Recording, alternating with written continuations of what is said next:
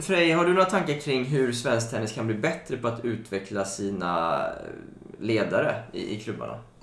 Ja, eh, det har jag. Jag skulle kunna säga så det, vi, Oftast är det så att en, en, en bra klubb har ju duktiga tränare. Mm. Och sen när den klubben blir tillräckligt stor, då kanske det behövs en chefstränare. Så då är det en av de som blir chefstränare och så tar man in några fler och så växer det här teamet och så blir man lite större sådär. Mm. Och sen så kanske klubben blir ännu större och då behöver man en eh, ny chefstränare, så behöver man en klubbchef eller mm. kanske en sportchef. Så blir det väldigt många olika ledarroller här. Mm.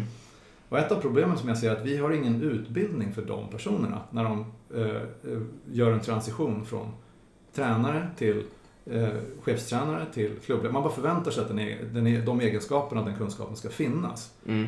Men ibland så gör det ju inte det. I ganska många fall tror jag. Och då hade det varit jättebra att ha någon form av understödsprogram till de personerna som gör den övergången. Mm. Från tränare till chefstränare till klubbchef till exempel? Ja, ja, precis. För jag tror att det är jättemånga frågor som uppstår. Ja, det är nya arbetsuppgifter. Ja, man, man ja. blir till exempel, ja, jag blir arbets, arbetsmiljöansvarig. Vad betyder det? Liksom? Precis. hur fungerar ett kollektivavtal? Och liksom, vilken typ av anställningsform ska, ska de ha? Mm. Och så det, det, kan vara frågor som man inte har funderat över som tränare, men som kommer sen bara kasta det i knät. Och då, jag vet att när jag fick min första chefsroll så var det en sån här, det var saker som tog väldigt lång tid att lista ut själv. Mm. Och det fanns inte så mycket stöd att få någonstans. Nej. Men här tror jag att både ett nätverk av klubbchefer, ledare, sportchefer kan göra en stor insats, men även förbundet. Mm. Och skapa ett slags stöd här. Jag vet att det kommer en utbildning sådär mm. eh, längre fram någon gång, men det här behöver göras nu. Ja, precis, exakt. Eh, precis, för annars kommer man förlora folk på vägen. Ja. Eh, Just det. Men, men, finns det något sånt nätverk idag alls? Ja, eller vi har ju, eller i alla fall några klubbchefer i Stockholm satte upp en WhatsApp-grupp under mm. Corona. Så, mm. Som sen har utökats till någon slags eh, klubbchefs nätverks WhatsApp-grupp. Ja. Där alla är väldigt välkomna att ställa frågor. Och det, den är super, super bra, ja. bara i ja. sig. Men, men låt säga att alla som var med i en, eh, frivilligt förstås, i en sån grupp mm. skulle lägga fem eller tio timmar varje år på att lära upp en ny. Ja. Eh, och, och, tog sig an det och det var liksom fritt spel med frågor kring... kring eh, alltså med mentor lite grann då? Ja. ja. Då, då, tror jag att övergången skulle bli mycket effektivare till de här olika rollerna. Ja, just det. Just det. Eh, tror att det kan vara på gång framöver? Jag hoppas absolut det. Eh, annars får man väl göra det själv. en podd tillbaks igen Linus på baslinjen Ja, han är tillbaka igen Linus på baslinjen Jag har Ulf Henriksson och Micke Hammarberg framför mig från Stöd IF Tennis och eh, årets Stöd Tennis Camp eh, under vecka 26 har nyligen avslutats. Eh, killar, hur, hur gick årets läger? Det gick fantastiskt bra. Eh, vi är supernöjda. Eh, barnen var jättenöjda och allt gick som det skulle. Och nu är vi ganska sluta, men eh, skönt trötta efter en sån här vecka. det ska man vara. Det ska man vara. Va, va, är, det något, är det något man kan säga som kändes som eh, fan, det här satt verkligen bra under veckan som gick? svårt så här tätt inpå och, och specificera någonting så där. Alltså allting. Vi är fortfarande liksom nästan uppe i det känns det som. Eh, men generellt eh, så ja, allt funkar så bra. Alltså tennisträningen flöt på jättebra med Richie, fysträningen. Eh, och barnen tyckte det var roligt liksom. Och sen är det ju det här med alla sidoaktiviteter som vi gör på kvällen och, och även under dagarna som, ja, nej, allting kändes bara kanon alltså.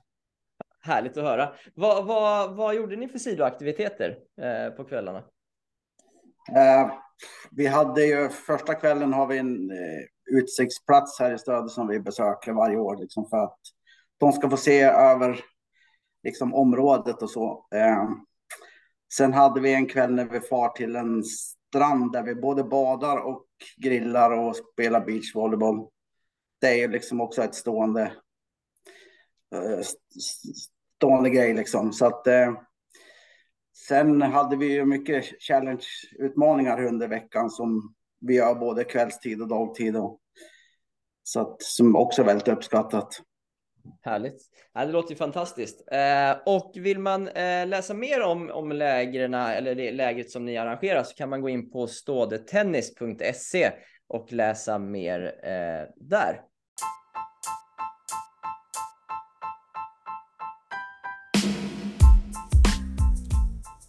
Då är det dags igen, ett nytt avsnitt med Linus på Baslinjen Podcast. Idag är Frej Jonsson gäst i podden. Frej, klubbchef i Spårvägens Tennisklubb sedan cirka två och ett halvt år tillbaka.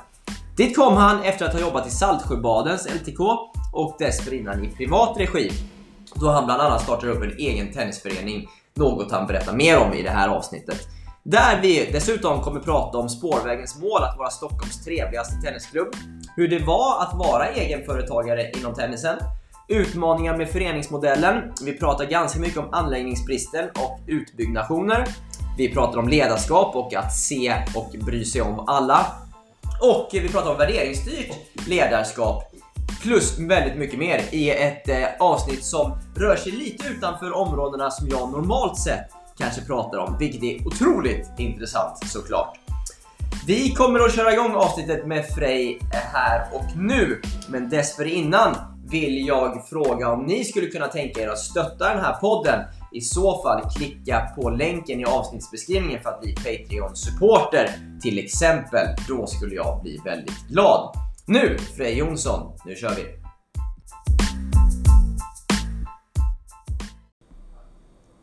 Då har jag glädjen att få hälsa Frej Jonsson välkommen till podcasten. Tack! Frej, jag tänkte du ska få börja med att berätta lite om eh, din väg in i tennisen och så småningom tränarrollen. Ja. Typ. Eh, ja, jag började spela tennis med mina föräldrar när jag var ganska liten. Jag kommer inte exakt ihåg hur liten jag var, men jag har något minne av att jag står på en, på en grön tennisbana på Kungliga Tennishallen med min pappa och springer efter bollar som är svåra att ta. och någonstans där började det.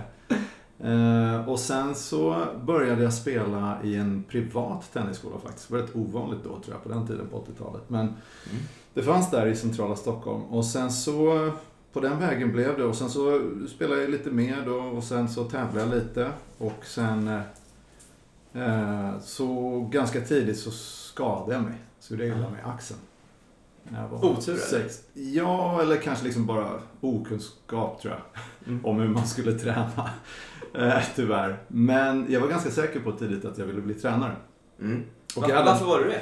Ja, men för att jag hade en väldigt bra eh, mentor på något sätt som, som, eh, och tränare. Som inspirerade mig. Jag såg hur han tog hand om andra på något sätt. Och det var väldigt inspirerande för mig. Mm. Och eh, då, det ville jag också göra. Och eh, jag kände att jag var också liksom dubbel var min grej eh, när jag spelade dubbel.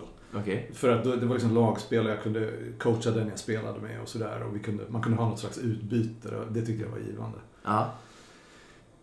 Så egentligen kanske man borde ha varit lagidrottare men... Det låter som det. men det blev som det blev. Eh, nej men så, så jag var ganska klar på det när jag var kanske 16-17 att det ville jag bli. Så då eh, började jag liksom hjälpa till på diverse ja, sommartennisläger och sånt där. Och sen så gick jag de här tränarutbildningarna och sen eh, på den vägen är det egentligen. Mm. Um... Ja, läckert. Eh, och, och, när blev ditt första jobb då liksom? Typ, eller när, när började du jobba som tränare? Ja, alltså jag började ju kanske hjälpa till där i 15-årsåldern eller någonting. Ja. Och sen när jag gick ut gymnasiet då, då tog jag faktiskt ett annat jobb i några år. Uh, mm. Och kände att, jag liksom, ja. och sen, men sen kom jag tillbaka till tennisen för att jag ville syssla med det. Och då, um, så delvis så jobbade jag på lite olika klubbar som timtränare. Men sen så uh, startade jag också en privat tennisskola själv. Okay. Det var det jag kunde lite om och liksom jag, jag, jag visste hur man skulle göra på något sätt. Så jag startade upp en sån verksamhet. Och så hade jag den i tre år och sen så slog jag ihop det med en annan privat tennisskola så det blev lite större, eller jag fick liksom chansen att sätta ihop det på något sätt. Och där fick jag chansen då också att börja jobba lite mer administrativt, planera scheman och lägga träningsmodeller ja. och sånt där. Okay. Och, och, och sen efter det så egentligen så gick jag in i, i på Kungliga Tennishallen som, mm. som uh, tränare där. Okay. Men, men det är ju ändå en lite ovanlig väg in. Alltså Ja. Du säger så här, men jag, vet, för jag startar eget för jag vet hur man gör det. Ja. Här, vet man det? Eller berätta mer om det. Hur var det? Så, eh, som sagt, min väg in där var ju att jag, jag började i privat verksamhet och, och liksom på något sätt när man är uppfödd där så har man väl sett hur det fungerar och man har tagit någon slags inspiration av det. Och det. Och det är ju lite annorlunda än klubbverksamhet. Ja. I och med att det många gånger går mer ut på att eleverna liksom ska bli glada och vara kvar eftersom det eh, ekonomiskt liksom ska funge- fungera. Mm. Jämfört med en klubb där man har flera olika syften.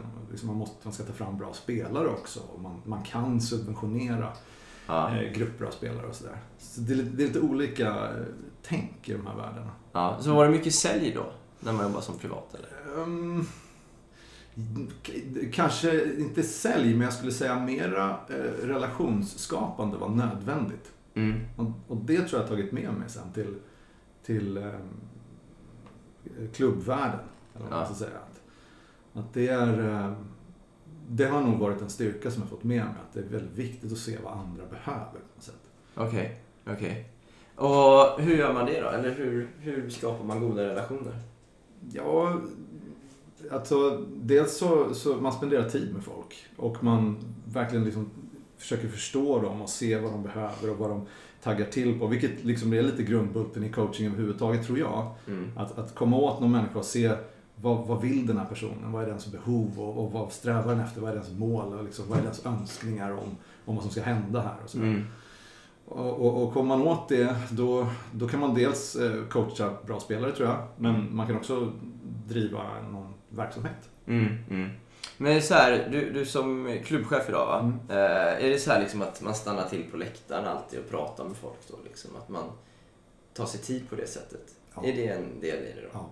Ja. Det måste ta otroligt mycket tid. Det beror på hur ofta man går ut på läktaren. Ja, det är sant i och för sig. Eh, Nej men skämt så det, det är ju så. Eh, Men det är ju det fina. Ja, Det är det ju. För att annars så vet man ju inte riktigt vad man ska göra. Man jobbar ju som klubbchef åt en förening. Det vill säga man är medlemmarnas röst i det här. ja. Medlemmarna äger föreningen. Vi ska göra det som medlemmarna vill. Mm. Och, och, och har man inte kontakt med dem då blir det lite svårt. Ja, det är så klart. det är väldigt bra tror jag att ha örat mot marken och lyssna in så att man, så Ja. att man vet. Tror du att fler privata aktörer kommer startas upp eh, i framtiden? Jag vet inte. Eh, om det finns plats kanske. Anläggningar menar du? Ja, ja. för, för det är ju ett problem. Men eh, För man pratar om det här liksom föreningsmodellen och hur stå, kommer den stå sig liksom i, i tenniskonkurrensen och liksom, ja, fördelar och nackdelar med det. Eh, vad tror du? Liksom, kommer det bli mer privata satsningar? Eh, eller kommer föreningarna bestå? Liksom? jag är nog väldigt tidigt i mitt tänk där. Mm. Och har inte kommit till någon klar slutsats. Men jag skulle säga att eh, visst, tittar man på och, och får fram bra spelare och så tittar man utomlands på stora akademier som Bollettieri eller Moratoglu eller något sånt där. Det är klart att det är privata eh, ställen som får fram bra spelare. Ja. Men det betyder ju inte att det är enda sättet att få fram bra spelare. Det betyder att de, de syns ju och får fram väldigt bra spelare, så är det ju. Ja, Men, men jag tror inte att det är enda sättet. Eh, sen så kanske föreningsmodellen har, det finns ett bättre sätt eventuellt. mm. Jag ska inte säga att jag har svaret på det, men, men att... Jag tänkte säga berätta. Ja. Nej, men jag, jag har inget bra svar på det riktigt, men föreningsmodellen är ju ganska gammal och Mm. den är ju lite skör, skulle man kunna säga.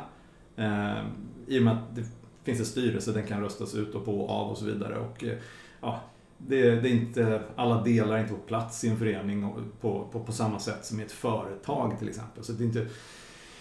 Eh, det, det är ju lite fragila konstruktioner helt enkelt. Mm. Och Mm. som, som, om, om man inte har en bra struktur så kan vända kappan efter vinden lite grann. Så en hård åsikt kan ju få väldigt mycket plats i en förening. Mm. Även fast den kanske inte är relevant. För att det finns liksom ingen tid att mäta den. Nej. Eller Det finns ingen kunskap att mäta den åsikten om den är relevant. Nej, just det. Och, och, så där kan jag se en svaghet. Men Ja. sen finns det ju stora styrkor i föreningar. Eh, demokratin Mm. är ju en stor styrka. Att alla är lika mycket värda att ha en röst och sådär. Och man kan Ja. eh, bestämma tillsammans hur det ska bli. Men det kan ju också vara en svaghet ibland. Att det blir svårare att få igenom beslut. Ja, som man verkligen tror på, som i din roll till exempel. Ja. det har du rätt i. Jag har nog eh, haft turen att inte uppleva just det att bli motarbetad i, beslut. Okej. Eh, jag har haft turen att jobba med bra styrelser och så här. Ja. Men det, det, det är klart att man har hört att det finns. Och, och det är ju det är ju jobbigt när man kanske inte ly- lyssnar på expertkunskap när man ska ta beslut. ja, precis. Precis. Men, eh, ja, jag är med. Varför ville du börja i en klubb? När du inte var i det ännu. Ja du.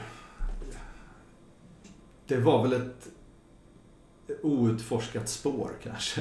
Eller Ja. någonstans där jag såg att det bar vidare. Någonstans har man slagit i taket lite där jag var kanske. Okej.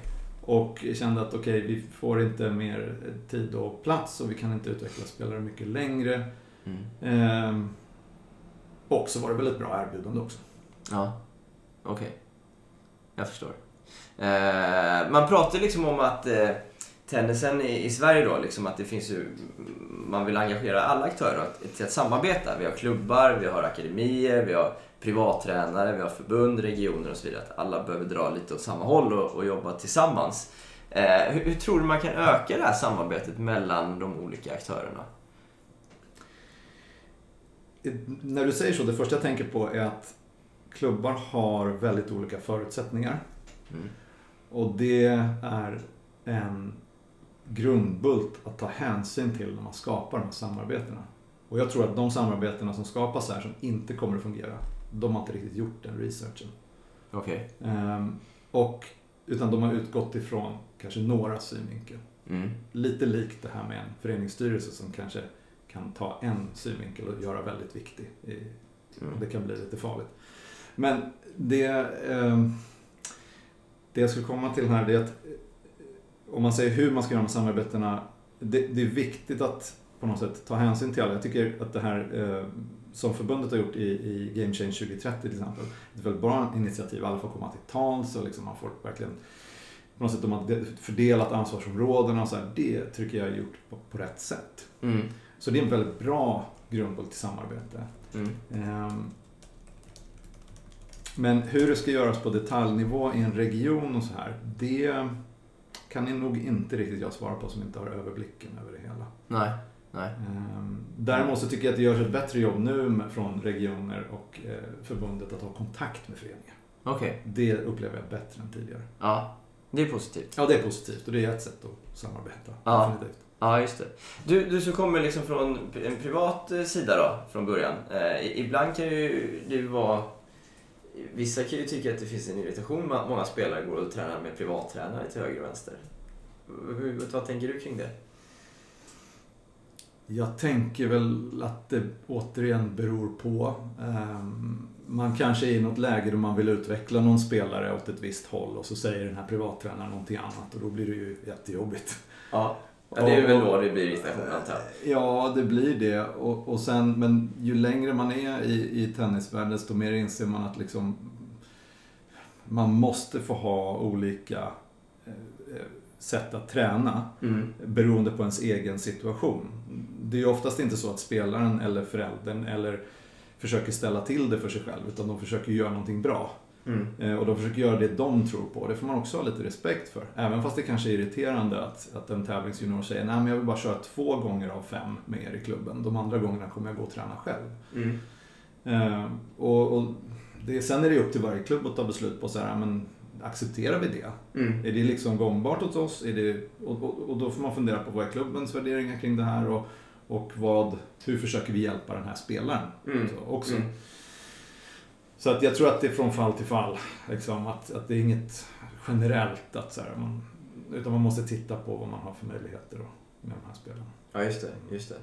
Eh, du är i spårvägen nu då. Mm. Sen, det, hur lång, lång tid tillbaka? Två och ett halvt år. Två och ett halvt år. Vad, vad har spårvägen för eh, ambitioner och visioner? Ja, men vi vill ju vara Stockholms trevligaste tennisklubb. Ja, vad trevligt. Ja. vi, Berätta mer. Nej, men vi, när jag kom in där så ehm, tog jag in de första intrycken under de första månaderna. Och så satt vi ner och så i någon diskussion så kom den här termen upp. att det här det är verkligen en trevlig tennisklubb. Och så spann vi vidare lite på det och sen så har vi eh, försökt att jobba lite med det och försökt formulera hur ska, hur ska det här se ut liksom, i de olika delarna i verksamheten. Hur blir det Ja. liksom Stockholms trevligaste tennisklubb? Sen är vi fortfarande i startgroparna för att vi har ju liksom försökt att överleva Corona och vad, dess effekter och sådär. Ja, Eh, så att det här visionära, det, det, det, kom, det kommer tillbaka lite nu. okej. Men det här med att vara trevlig då, vad innebär det för en klubb? Ja, men Det innebär att man framförallt tar hand om sina medlemmar. Att man ger dem tid och att, eh, att man ser till att alla får vara med och får höras. Och, att man har ett vänligt sätt till människor egentligen. Ja, just det. Och hur mäter man det här sen då? Om man är trevligast? Jag tror att den inputen kommer lite av sig självt. Ja.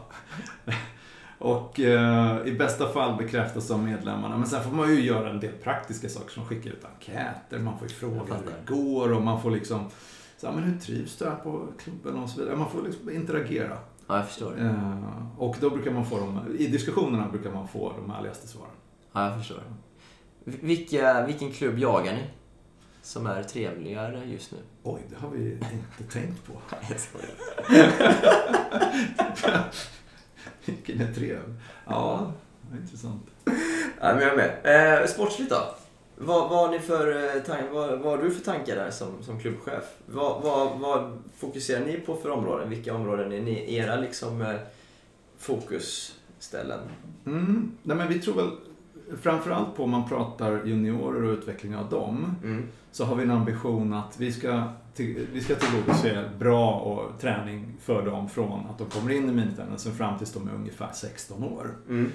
Eh, är de fortfarande satsande och vill liksom gå på nationell nivå och sådär, då, då tror vi att vi är liksom lite för små. Vi har inte resurser till att göra det. Mm. Eh, kanske för ett fåtal.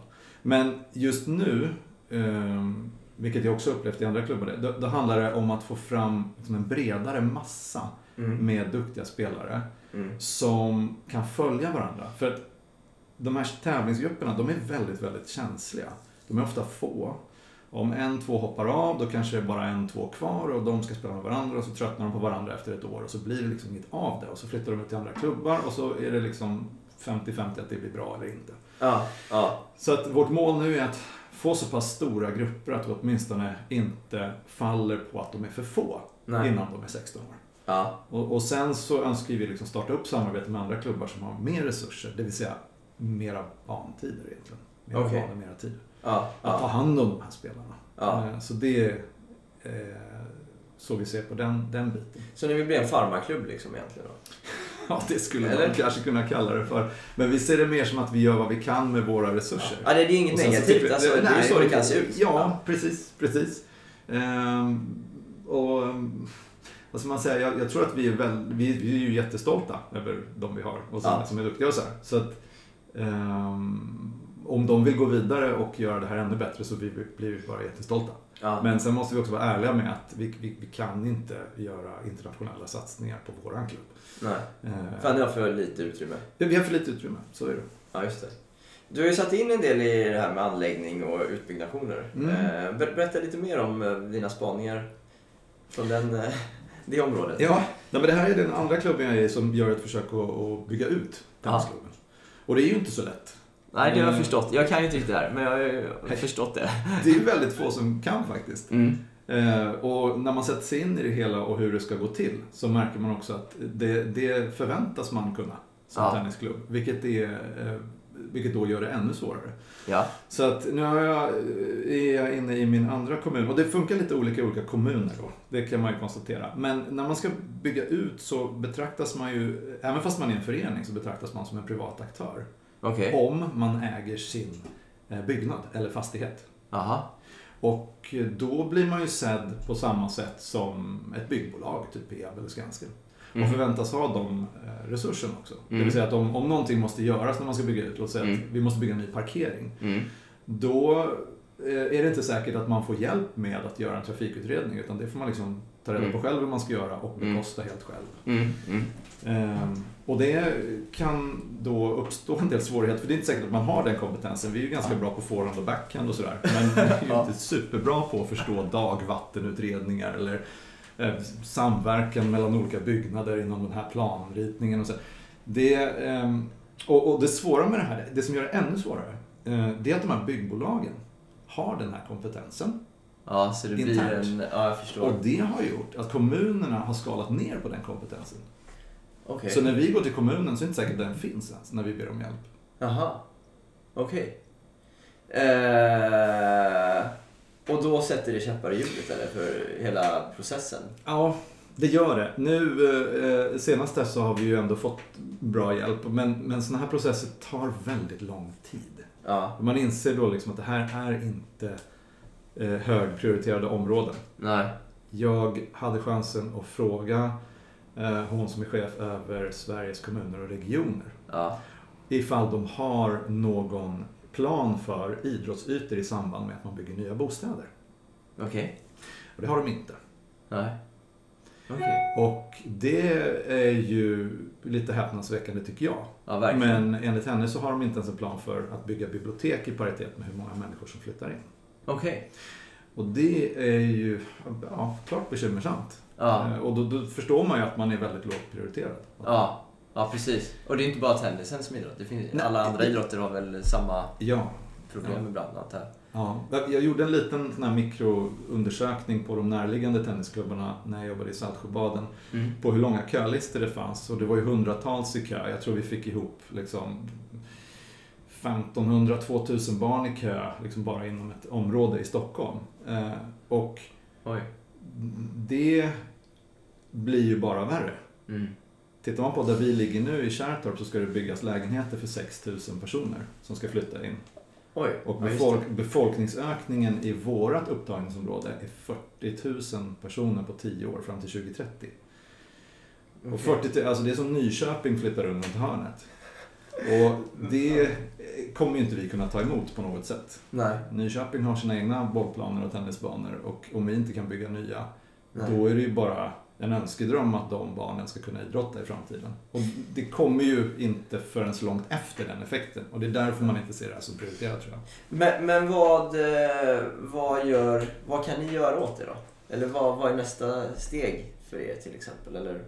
Ja, alltså som det ser ut nu så hoppas vi att få bygga ut två banor bredvid Okej. våran hall. Ja. Det är ju ytterst lite och liksom inte alls vad som behövs. Nej. Det behövs mycket mer. Ehm, och det behövs för alla idrotter ska man säga. Ehm, men att göra någonting på en större skala, ehm, det har jag försökt göra. Men man kör ofta i väggen därför att man är inte rätt person riktigt. Alltså jag är klubbchef i en tennisklubb så försöker jag prata med någon som, jag hade en idé om att man måste kunna mäta det här. Ja. Jag gillar att mäta saker, lite vetenskapligt belagt så här. Ja, men, så då tänkte jag att man borde kunna mäta det här genom att se vad, vad blir kostnaden av att barn inte får idrotta. Det borde Okej. man kunna mäta då. Också, Ja. Men det var inte så himla lätt och de rapporterna som finns på det här, de, kommer, de är gjorda och kommer inifrån idrotten. Mm. Och då tror jag att de tas kanske inte på lika stort allvar av Mm. beslutsfattarna som en rapport som skulle komma av en annan instans. Ja. Som skulle kunna göra någon oberoende instans, till exempel RISE eller för FOM eller någon. Ja. Som skulle kunna se det här på ett större plan. Eh, Men samtidigt, om jag kontaktar någon där så blir det tvärstopp. Jag fattar. Men, men- behöver någon förbundet sätta in resurser till det här då? Att det ska komma Det- från en högre instans? Det skulle vara allra bäst. Mm. Därför att då blir det rätt beslutsfattare som pratar med rätt person tror jag. Ja. Ehm, Har du föreslagit det? För det är inte bara ni som jobbar med att vilja bygga ut med banor. ja, Det är ju många klubbar. Jo, jo, jag har föreslagit det. Jag har tagit upp det i kontexten att om det, det enskilt lättaste sättet för svensk tennis Ja. att utöka antalet medlemmar. För det är ett övergripande mål. ja, det är det ju i Game Change Det, till det, exempel. ja, det är att bygga banor i storstadsregionerna och släppa in de här tu- tusentals barnen som står i kö. Mm. Det måste gå snabbare än att köra tennis på gatan, eller, som är jättefina initiativ, men som liksom ändå in, där det ändå är fullt. Ja, det är klart att du har rätt i det. Ja. Ja, och vad sägs då? Det sägs inte jättemycket. Det sägs att det är fina tankar och att det kanske jobbas lite på. Eh, och det gör det säkert. kanske ska jobbas lite mer på det. Gärna. Ja, ja jag är med. Ehm, jag tror många hade tjänat på det. Kanske, om, om man fick mer tydlig hjälp med det i så fall. De Ja, frågorna och de diskussionerna. Ja, men det tror jag absolut. Och jag, när man träffar alla liksom, duktiga tränare och ledare så blir man ju liksom lite nedstämd av att så här, jo, vi vill, men det går inte för att. Nej. Och det är så här, om, så kompetensen finns och de har tillräckligt med folk och de har drivet och ambitionen, men de har inte plats. Nej. Ja, det är tråkigt. Det är ledsen. Eh, så är det ju. Eh, vi ska lyssna på ett litet ljudklipp här, eh, Frej. Eh, från avsnittet med Frans Fransson, säsong 3, avsnitt 38. Eh, det kommer här.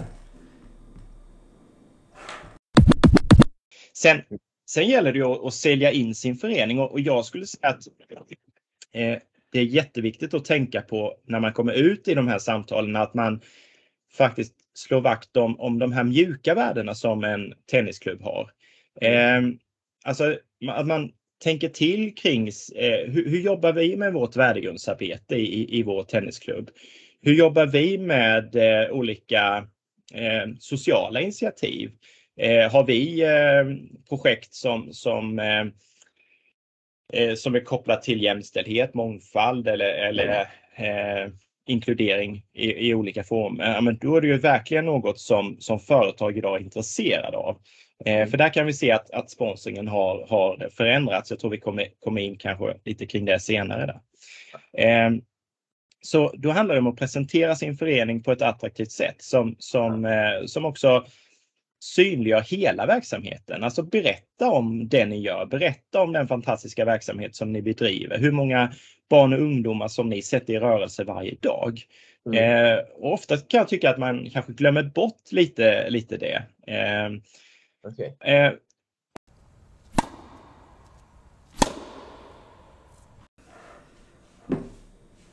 Fra, Frans var ju inne lite på det här med värdegrundsarbetet. Mm. Eh, och det kanske, om, jag kan koppla lite till att vara trevliga också, på sätt och vis. Eh, vad, vad, hur jobbar ni med, med de bitarna, eh, med, med värdegrunderna i er klubb?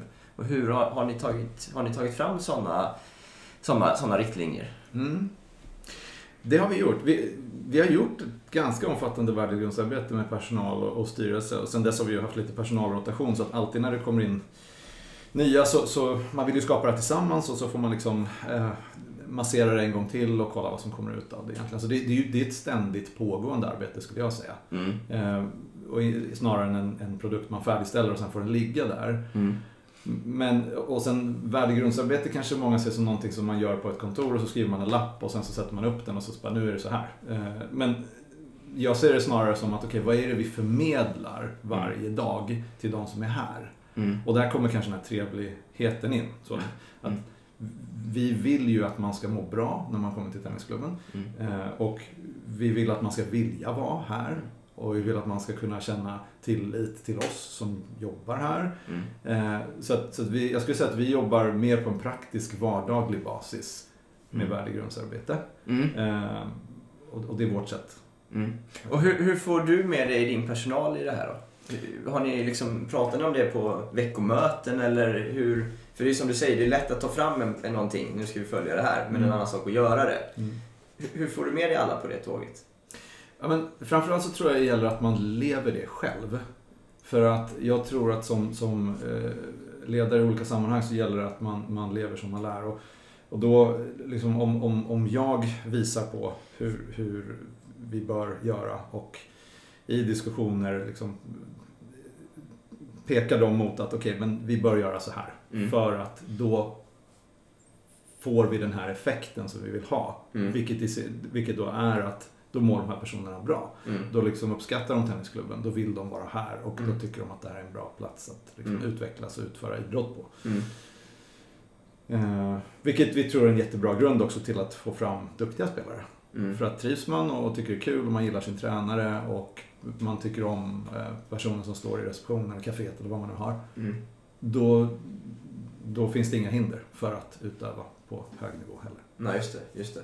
Eh, jag måste bara säga, för, för ibland när man pratar om mjuka värden och vi liksom, ja, att, att eh, folk ska trivas i en förening och så vidare. ibland så är ens roll också att eh, säga emot, att inte gå alla till mötes. För går man alla till mötes så är man ju inte rättvis mot alla heller på sätt och vis. Mm. För vissa förtjänar kanske mer till exempel. Eh, man kanske inte kan låta alla spela med en hårdare boll bara för att de vill. Eh, hur, hur hanterar du det? Det går ju emot er filosofi lite då. Ja, det skulle man kunna säga, men jag tror att är man tydlig med... Någonstans så är det där en fråga om en resurs. Eh, det vill säga, vi, om, om alla i tennisklubben skulle spela sju gånger i veckan så går inte det. Nej. Och, och sen om man hårdrar det. Och sen så, så, så här, okej, vilka ska man välja här? Det är ju alltid en väldigt jobbig fråga. Men, Mm. eh, men någonstans så tror vi ändå, eller vi, vi har sett att när vi kommunicerar bra Mm. och är väldigt transparenta, Mm. då fungerar det här. När man i förväg säger så här har vi tänkt för den här gruppen. Vilka vill vara med i det här? Så till exempel, vi tar inte ut barn till gruppen. De tar ut sig själva. Jag, men jag vill vara med här. Mm. Ja, men då får du det. Då, då är det så. Liksom. Och sen, eh, man kan alltid teoretisera och säga att ja, men vad händer? Men, men vi har inte riktigt det bekymret. Okej. Att, att för många vill vara med. Vi behöver inte välja så himla många och sådär. Nej. Sen vet jag att det finns en del tankar om till exempel så här att en grej som återkommer är så här, ja men vad ska vi ha för krav på, på tävlingsjuniorer? Ja, klassiskt. Ja. Och den är ju så här att den sätter man ju hur man vill egentligen. Mm. Men väldigt många anpassar den till hur det ser ut på andra klubbar. Ja, ja. Och, och det, en, en, någonting som inte är bra, som kan hända då, Mm. det är att man säger nej till folk som kanske fortfarande vill tävla fast inte riktigt lika mycket. Och sen får Ja. de vara någon annanstans i en tennisskola där de inte trivs. Just Och det. det där tycker jag är fel. Mm. De ska också få med. De måste, det måste finnas ett utrymme för dem. Okej. Jag tror att då, då har man som klubb gjort fel om man säger men ni, ni, ni, måste gå till det här, ni måste träna mindre än vad ni, vad ni faktiskt vill. Sen är det verklighet för många klubbar, så är det. Ja, Jag vet. precis. Men då funderar jag lite på så här, vad är... Har man, har man det som huvudsyfte att ta fram bra spelare, då kanske det får vara så. Men har man inte definierat det, då Mm. tror jag att man gör fel. Okej, okej, okej. Hur stor är er tävlingsgrupp? Eh, Ja, det beror på vilka du räknar in, men ska vi säga alla barn som spelar någon form av tävlingar så kanske vi har 45. Okej, okej. Jag förstår. Och då tänker du att alla de ska få vara, kalla sig tävlingsspelare då? Eller det är, det är så det bör vara? Ja. Ja. Vi vaggar ju in dem på något sätt från början där när de Ja. kommer från minitennis i någon slags matchskola kallar vi det för. Det finns Ja. ju andra termer för det. Men de får börja prova på och sådär. Sen så muterar det liksom in i någonting sådär. Men vi är inte så hårda. Eh, vi har inga vattentäta skott liksom där utan Nej, man får hoppa på och av lite liksom sådär. Och, Ja. och, just det. Ja, jag med. Jag så vi är nog mjuka där också. Ja, ja det, det, är, det är väl jättebra. Eh, är, du, eh, Frej, du har också varit involverad i utbildningen en del. Eh, Eller? Ja. Ja. Eh, och är väl kursledare idag. Håller du utbildningar idag? Ja. Ja. Berätta lite om eh, det, vad, det har gett dig och varför du har velat eh, involvera dig i utbildningssidan. Precis, jag, jag är ju...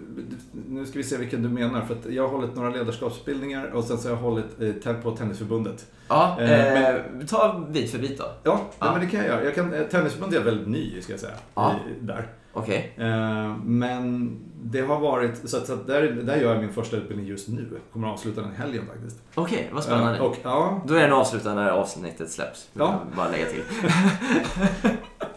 då får vi se hur de trivs med det. Nej, men det, det, det har gått... Eh, det går bra. Det är otroligt givande. Alltså det är ju sällan man får reflektera så mycket över sig själv och sitt eget beteende som när man försöker utveckla andra. Och Ja. särskilt i ett helt nytt forum som det här är för mig. Så det är ju enormt givande för mig själv. Ja, Och sen får jag hoppas att det är lika givande för de, de som är där.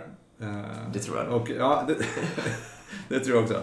Nej, men, eh, lagt mycket energi på att det ska bli bra. Eh, men det är eh, som sagt väldigt givande eh, i, i, i det forumet och nytt för mig. I ledarskapsutbildningarna så är det ju lite kanske enklare, för de är lite för bestämda. De handlar om idrott och det är väldigt mycket vad jag gör till vardags. Okej. Ehm, Men med de ledarskaps... Vad är det för... eh, För vilka håller du i det? Eller vad är det? Eh, Ja, alltså det är någonting som, eh, som heter Innovative Sports Management där jag håller en modul som heter innovativt eh, ledarskap. Eh, och den ehm, har, ja, den handlar, den är lite i intervjuformat. Så deltagarna får dels ställa väldigt mycket frågor och man får reflektera. Mm. Men sen så är det också att eh, jag eh, presenterar liksom hur man driver en förening. Vilket ju är vad jag gör till vardags. Så den är ganska lätt. Okej, och det är för alla idrott? Alltså det är... Det är för folk som vill byta, som kanske vill börja jobba inom idrott men har haft en Aha. annan karriär innan. Så det är oftast eh, liksom någon som har haft lite karriär och kanske runt 30 år eller 25-30 Mm. sådär.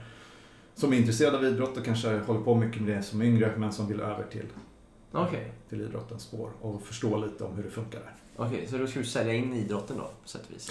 Ja, det kan man säga. Eller det, det ja, ja, ja, ish. Men det här med, med att du är ledare för, inom tennisförbundet nu då, eller för, inom tennisen. Var, varför ville du hoppa på det? Eh, eh, Dels så vill jag ju hjälpa till att ge på något Ja. sätt. Eh, och eh, frågan kom. Och sen så eh, har jag alltid sett det som intressant att coacha andra. Mm. Alltså det, det har ju varit egentligen mitt liv att, att coacha andra från, från att jag bestämde mig att nej, men jag, jag vill bli tränare. Mm. Och sen så leder man spelare. Och Mm. sen så leder man ett team som, som gör en klubb. Mm. Och sen nu att eh, guida nya tränare in i karriären. Mm. Det är ju otroligt givande. Det är Mm. väldigt kul. Väldigt kul. Viktig roll. Ja, otroligt viktigt. Eh, det, vad, vad, du sa själv att eh, du, du, man får reflektera mycket när man är ledare för nya ledare. Va, vad har du kommit underfund med vad det gäller dig själv? Eller vad har du lärt dig? Oj, var ska man börja? eh, man behöver vara ödmjuk. Eh, man behöver, ja, det klassiska låta alla komma till tals och sådana här saker. Mm. Eh, men jag, jag- tror återigen man är tillbaka på det här med att man, man måste se individer Mm. i coachingen. Alla de här är olika, de har olika ingång till det här. Eh, De, de vill samma sak men de har olika mål med Mm. varför de gör det här. Och kan man komma åt det lite grann då kan man oftast coacha dem ännu bättre. Okej, här. ja. Då, då är det genom att lära känna dem då? Ja, Ja, just det. Men det, det är inte så lätt på en kurs så liksom. Du har många nya ansikten. Alltså, ja. Det är tufft. ja, det är det. Det är kort om tid och det är intensivt och man får försöka ta de små bitarna man, man kan av alla när de glimtar till. Men ehm, jag tycker att de här kurserna är ändå utformade så att deltagarna ska ha mycket input. Så att man hinner ändå se hur de resonerar och hur de gör och sådär. Det tycker jag är spännande. Enda Ja. är väl kanske att de, eftersom de skapar mycket av innehållet själva, så kanske de inte hinner klämma och känna lika mycket på en själv. Nej. Eh, Okej. Och då, eh, tilliten behöver skapas fort. Ja, just det. Just det. Och hur skapar du den då fort? Man låtsas att den finns. Jaha, du utgår från att det finns en tillit? Det är ett beprövat militärt sätt att skapa tillit. Jaha, okej. Man låtsas att det finns. Okej, okej. Så du, du agerar som att du... Som att motparten litar på dig? Ja. Okej, och så får det bevisas motsatsbara i så fall? Ja. Okej. Och jag litar på dem fullt. Okej. Mm. Det är spännande. Mm. Eh, jobbar du så liksom som chef i klubben också? Litar du på alla? Ja, för det mesta. Nej, men det, det är klart jag gör. Eh, Det är klart jag gör. Och sen så ibland är det deadlines och så vidare. Men, men, eh, nej, men det måste man göra. Man måste Ja. lite på sitt team. Man måste ha full eh, tillit till att så här, ja, men du ordnar det här. Mm. Okej. Det måste man definitivt göra. Ja, spännande. Eh, det, är ju en tränarbrist i Sverige idag ju. Mm. Som är ganska stor och, troligtvis kommer bli ännu större, tror jag.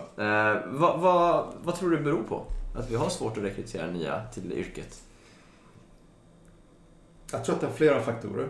Ehm, och en är att man kanske inte ser den karriärvägen när man är tennisspelare och yngre.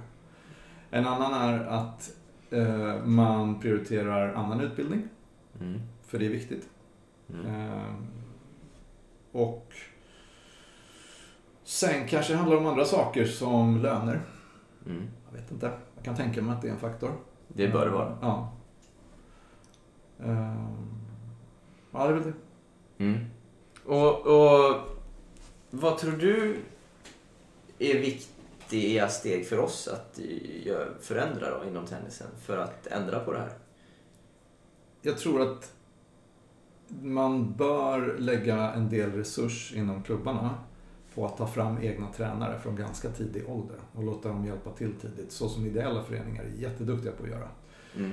Eh, där man liksom jobbar för noll kronor eh, hela vägen. Men eh, jag tror att man behöver introducera att du kan hjälpa till som ledare redan från 11-12 års ålder. Och Okej. kanske inte från 15, 16, 17. Och att man får komma och bolla med lite småbarn på minitennisen och, och rulla, ställa upp lite koner och sådär. Och bara hjälpa till och känna att man faktiskt hör hemma här. Mm. Och därefter gå utbildningar. Vi har ju en tränarskola då på spårvägen som vi kallar det, som vi har formaliserat. Och det, det har flera klubbar också vet jag. Men eh, vad den går ut på egentligen är att man får börja tidigt på Mm. det sättet jag beskriver. Och sen så bollar vi eleverna lite mellan Tennisförbundet och utbildning. Sen kommer de tillbaka. Så får de jobba lite mer med mer avancerade uppgifter på klubben och göra ett projekt som Okej. de håller i själva och får presentera för alla de andra tränarna. Ja. Och eh, sen så tillbaka till förbundet eh, och, och göra en utbildning till. Sen komma tillbaka och jobba med ännu mer avancerade, kanske börja på vuxenträningar och med tävlingsgrupper och så vidare och känna på det tillsammans med andra tränare. Mm. Och göra ytterligare ett projekt och sådär. Så vi har liksom en trappa i den här tränarskolan som, som man kan gå efter. Okej. Och sen också en lönetrappa kopplad till den som jag tänkte att då vet man eh, liksom, vad Okej. man får och, och hur det är. Ja, okej, okej. Uh, Funkar det här? Ja, Ja. vi upplever det. Tack Fairplay, det är er vi har fått den ifrån. Okej, okej. Ja, vad bra. Eh, just det. Och, och när, för att liksom vara en attraktiv... Är, är det de här bitarna du tror är viktigt för att sen så småningom vara en attraktiv arbetsgivare då också?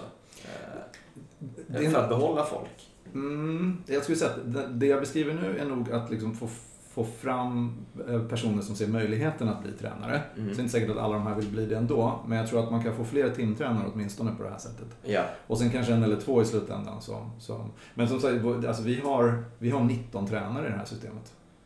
Eh, Okej. som, som går från i, i de här grupperna. Och så det är klart att några, vi hoppas ju att några av dem där kan sen gå på som heltid. Ja, det är, Eh, ju, det är ju jättebra i så fall. Jo, det är ganska många, så det, det är Ja. vi glada för. Den andra delen som, som du pratade om, i hur man, det, det, det handlar nog om att bli en bra arbetsplats med allt Mm. vad det innefattar. Och då pratar vi liksom riktiga avtal och arbetsmiljö, kollektivavtal och så vidare. Det som ska liksom vara på Mm. plats på, på en arbetsplats. Eh, och då tror jag man kan få folk att, att stanna. Ja, just det. Och, och sen att man också hittar liksom drägliga arbetstider som fungerar med ett familjeliv och så vidare. För att Ja. alla är inte singlar livet ut och kan jobba kväll till klockan 10 med vuxentennis utan man måste också få ha familj. Ja, och hur löser ni det då? Det där är en jättesvår pusselbit. Nej, men, Eller? Ja, nej, Nej. Men, jo det är väl lite av en svår pusselbit men vår verksamhet löper då till 7 eller 8 på kvällarna och då har vi sagt att ja, men man kan ta till exempel tre förmiddagar och två kvällar. Ja, Så har man en slags kombination. Och då om du sätter ihop två sådana tjänster så får ju liksom ungefär det omvända. ja precis. Så Just då får man lite av dagtids och jobbet och lite av kvällstidsjobbet. Men det, det bygger då på att ni har mycket dagtidsverksamhet? Just det. Ja, och det har ni i Spårvägen? Ja, vi har mycket av det. Ja. Så vi har ju vuxenträningar varje dag från, från 7 på morgonen till 11-12. Okej. Och sen på eftermiddagarna fullt mellan 3 och, och 8 egentligen med barn. Och sen på slutet några vuxentimmar till. Ja, just det. Så då går det att kombinera. Men klart, har man ingen förmiddagsverksamhet då är det ju egentligen bara kvällsjobb. Då, ja, då är det tuffare. Ja, då är det tuffare. Ja, just det. Just det. Eh, jag är med. Och hur då, liksom, eh, allt det här med liksom, kollektivavtal och, och anställning och så vidare. Eh, jag, jag förstår det. Samtidigt kan ju det också bidra till att man känner sig, missförstå mig rätt nu, men att man blir så pass trygg att så, men jag har ett jobb. Så här, jag kommer kunna vara här tills jag går i pension. Och så kanske man inte ger järnet längre. Då kommer chefen med piskan. Då är det inte så trevligt längre. Nej, Nej men det, det- finns en motivation i det som du var egenföretagare. Så att, liksom, att du gör ett bra jobb, då får du, alltså, då får du in folk till Mm. exempel. Eh, Förstår du vad jag menar? Ja, att hur absolut. motiverar man folk liksom, att fortsätta verkligen engagera sig varje timme? Mm. Det är intressant att du säger det. Eh, Jag, det här är någonting som jag är väldigt intresserad av. Och det handlar ju om, lite som jag tror att jag hörde i något tidigare avsnitt, men det, handlar, det här handlar ju om inre och yttre motivation lite grann hos de som jobbar hos oss också. Ja, Om vi är tydliga med att definiera ett mål och vi rekryterar människor som attraheras av det målet som klubben har, Ja, då tenderar man att stanna länge. ja, Men det, det kräver ju att man har definierat det. De allra flesta klubbar de vet ju liksom att ja, men här spelar vi tennis. Eh, och en del, eh, många klubbar har också liksom en struktur för det. Det vill säga så här, ja men Göran han har hand om det här och Sune han gör de här grejerna. precis. Men sen kanske man inte har lagt tillräckligt mycket tid på att definiera vad är syftet med allt det här. Det vill säga varför gör vi allt det här? Mm. Men det är det som gör att en anställd stannar. Att den strä- syft- strävar mot ett mål som är spännande och intressant. För Ja. annars så är det, annars kräver det väldigt, väldigt mycket egen motivation och eget driv. Och det har vissa. Men man känner Ja. delaktighet i att vi Ja. tillsammans ska nå det här målet då liksom. Precis. Just det. Och det målet hos er är... Det är att vi ska vara Stockholms trevligaste tennisklubb. Så var det. Gör det med. Eh, just det, just det. Eh, för där tror jag ju mång, eh, många klubbar kanske skulle kunna jobba lite tydligare med de målen. Eh, för att motivera personalen. Och det är även när det gäller yngre som kommer in, att liksom få dem att vilja fortsätta vara tränare och stanna och Mm. inte bara få en bana och liksom göra din grej där borta. Mm. Tänker jag. Ja, jag håller med. Eh, ja, det där tycker jag är ganska intressant. Mm. Ehm, viktigt. Eh, vi ska lyssna på ett nytt eh, ljudklipp här. Den här gången med Martin Boom från säsong 2 avsnitt 32. och ska det vara hårt jämt, ska det vara soft jämt? Men en, en, bra, en bra mellanlösning det är ju liksom ibland, ibland lägger man armen runt skuldran och ibland får man faktiskt kicka till i röven. Ja, ja. Men har, har det gäller att hitta, det hitta, du vet, balansen är viktig när man coachar. Eh, eh, och man framförallt lär ju sig eh, matchdagar i omklädningsrummet innan hur folk reagerar. Vissa pratar som fan, vissa pratar ingenting. Mm. Eh, eh, och det är svårt, för det finns, ingen, det finns ingen handledning, det finns ingen bok man kan läsa om det här. Nej. Utan det är lite personlig, personlig touch. Eh, eh, om du har någon som inte vill prata så mycket, ja då håller du käften. Mm. Mm. Om det är någon som har behov av att prata mycket, ja då får du prata med. Ja. Eh, eh, och så vidare och så vidare. Eh, eh, Vissa tycker det är oerhört viktigt med, med eh, taktik. Det är det ju också, va? Eh, Mm. Men det får inte bli för, för in, in, eh, invecklat för att eh,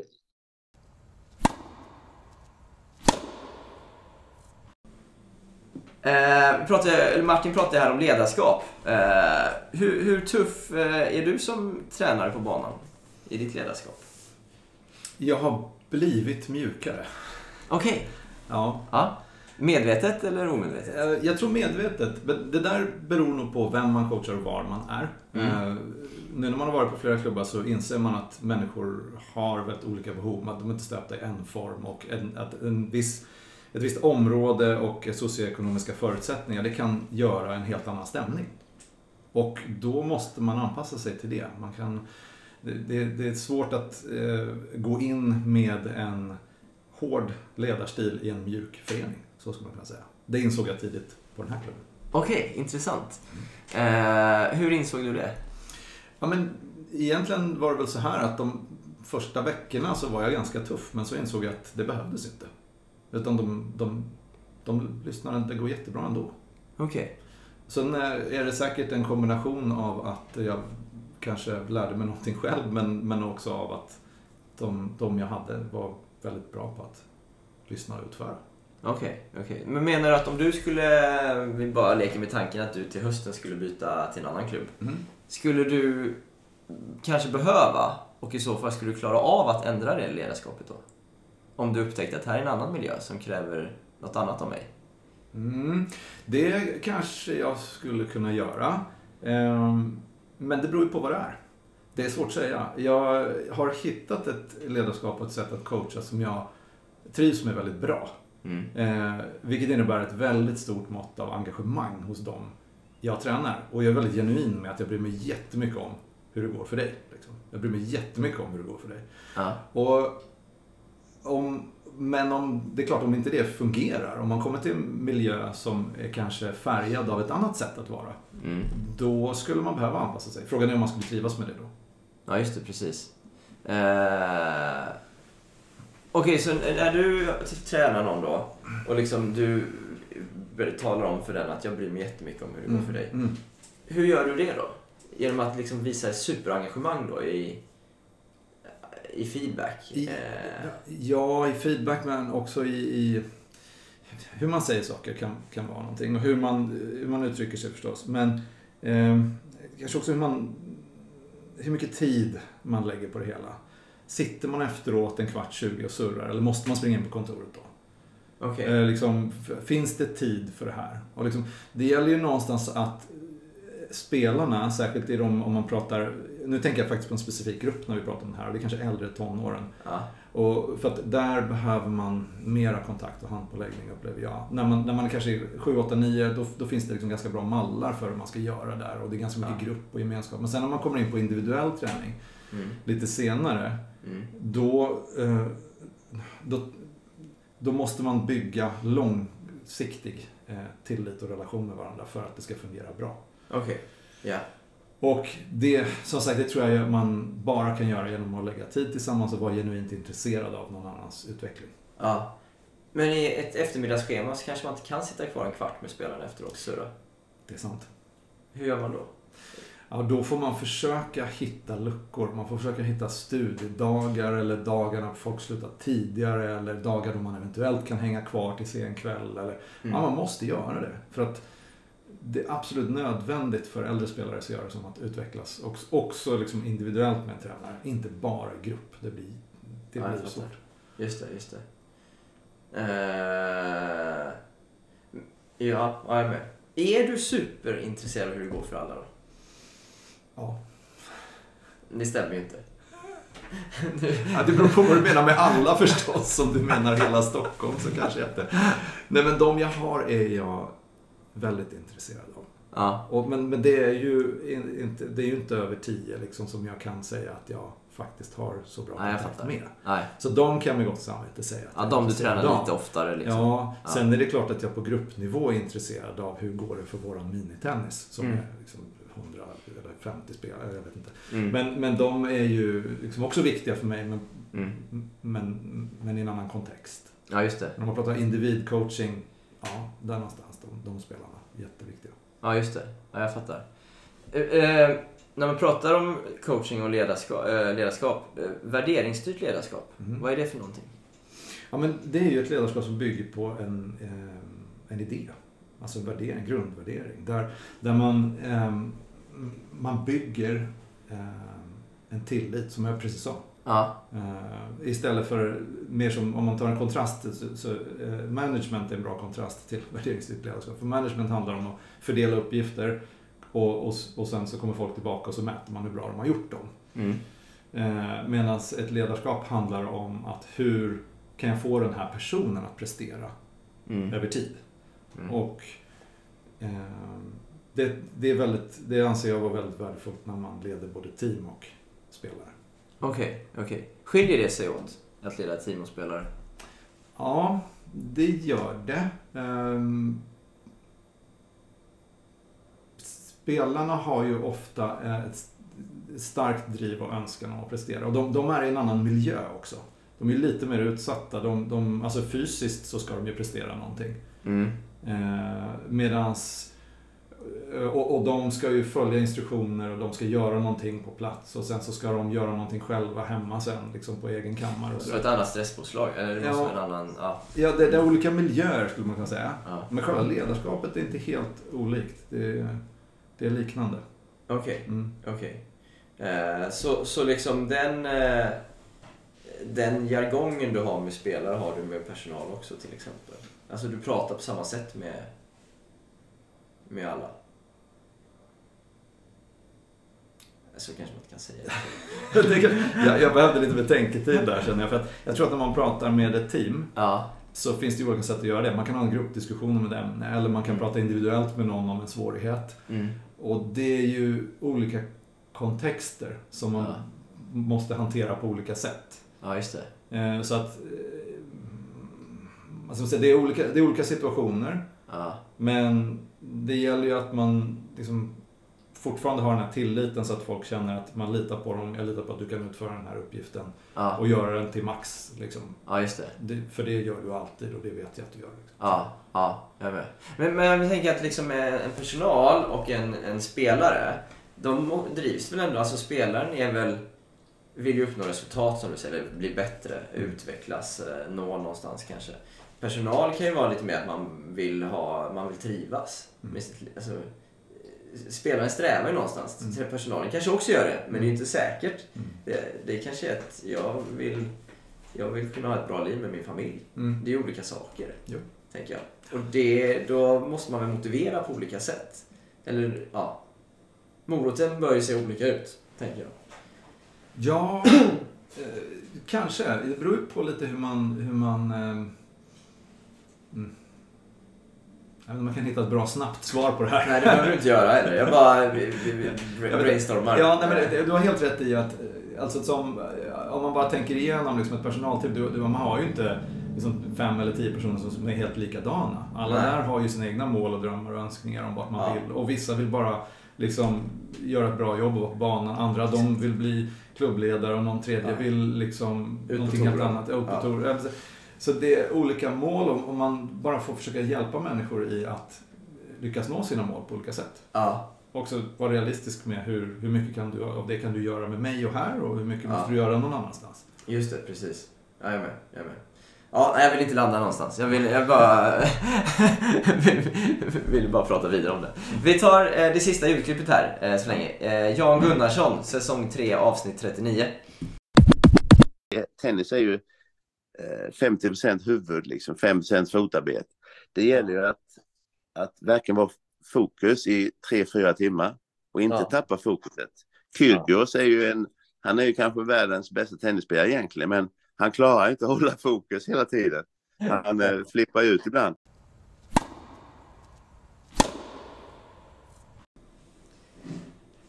Janne säger här att tennis är 50% huvud och 50% fotarbete, Frej. Eh, instämmer du i det? Eventuellt, det finns ju andra aspekter av tennis tänker jag på en gång. Ehm, hade du frågat mig när jag var eh, 23 så hade jag sagt att tennis är 85% teknik och så 15% någonting annat kanske. jag var väldigt, väldigt intresserad av teknik. Men det där har ju kanske ändrats lite nu så jag, jag håller ju med Janne absolut i att tennis handlar väldigt mycket om att röra på sig. Ja. Eh, så är det ju. Och sen är det väldigt mentalt. Men den mentala, det, det förutsätter ju att man också kan, kan få in bollen innan man... Så att, så att man liksom, ja. Så det finns ju andra aspekter. Men ja, till stor del håller med liksom, om att röra sig. Och eh, tyvärr är det ju så att liksom, i Sverige så rör sig barn mindre och mindre. Mm. Eh, vi ser ök, ökad eh, liksom, stillasittande och skärmtider och eh, fetma. Eh, tyvärr. Eh, och, och jag menar, det, när man... I en bredare kontext så, så, så är det jättetråkigt att det är så. Um, tar man, kom, kommer vi tillbaka till tennisen så, så är det ju jätteviktigt att barn tidigt i tennisen lär sig att det här är en springsport. Mm. Inte en gå och slåsport. Ja. Ja. Eh, och, och det jobbar vi väldigt hårt för att de ska göra. Hur gör man det? Eller hur gör ni det? Ja, men modifiera träningen så att de inte kan stå still. Okej. Eh, Att de alltid är i rörelse? Ja, eh, alltså ett, men ett övergripande bra sätt är ju spelbaserat lärande. Att de hela tiden får liksom jobba med en boll. Att de får, så här. Men sen att man ser till att de gångerna som man behöver rätta till någonting tekniskt så måste de ju också kunna göra det när de rör sig. Annars Mm. blir det ju värdelöst. Och så man börjar inte stillastående med teknik heller? Börja kan du göra, men ganska snabbt måste du ändå över till att liksom röra dig och göra någonting tror jag. Okej. Eh, Du var inne här på liksom spelbaserat lärande. Eh, samt som du sa att du var väldigt teknikintresserad i början. Ja. Eh, spontant, går det emot lite varandra eller? Eller kan det hänga ihop? Ja, så jag tror väl att i början där så såg jag ju tennis mer som någon slags konstform. Liksom att det skulle vara så snyggt som möjligt för då löser sig allting annat. Men så är ju inte riktigt verkligheten. Eh, Men, men det var ju en bra skola att få lära sig det också. Men ja, ja ehm, Förlåt, jag Nej, tappade nej men, men, men jag tänker, eh, eh, är du fortfarande lika teknikintresserad?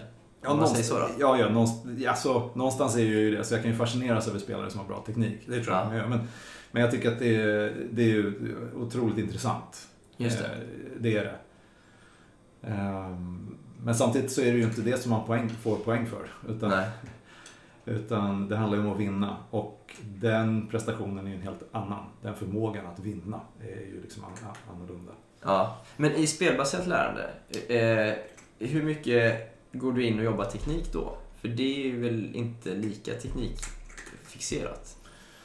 Nej, det är det väl inte. Det beror lite på vad man gör det till. Och det där skulle jag säga också är beroende på vem man har och hur, vilka förutsättningar de har och så vidare. Och det gäller ju att liksom lägga upp det så att den spelaren lyckas. Mm. Det tror jag ganska mycket på. att Om, om den spelaren kan utföra tekniken så, så kan man ju börja få den att springa och göra den här tekniken. Om man nu har teknikträning på forehand eller vad man har Mm. så, så kan ju den spelaren då till slut når man ju dens ribba. Liksom. Nu kan Mm. inte den spelaren hoppa högre för att jämföra med höjdhopp. Så här. Ja, men 1,50 det var gränsen för idag. Då Ja. får man backa lite grann och hoppa på 1,47 så Ja. att den spelaren känner så här, fan det här, jag kom framåt idag. Ja, Och så nästa gång kanske man lägger på 1,51 och så kommer man över den och så vidare. just det.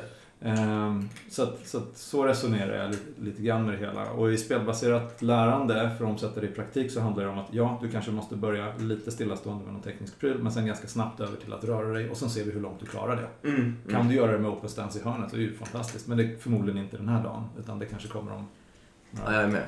Jag är med. Okej, okej.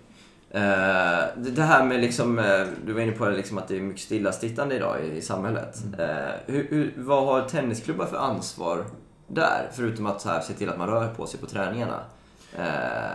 Ja, vad kan vi göra mer i ett samhällsperspektiv för det?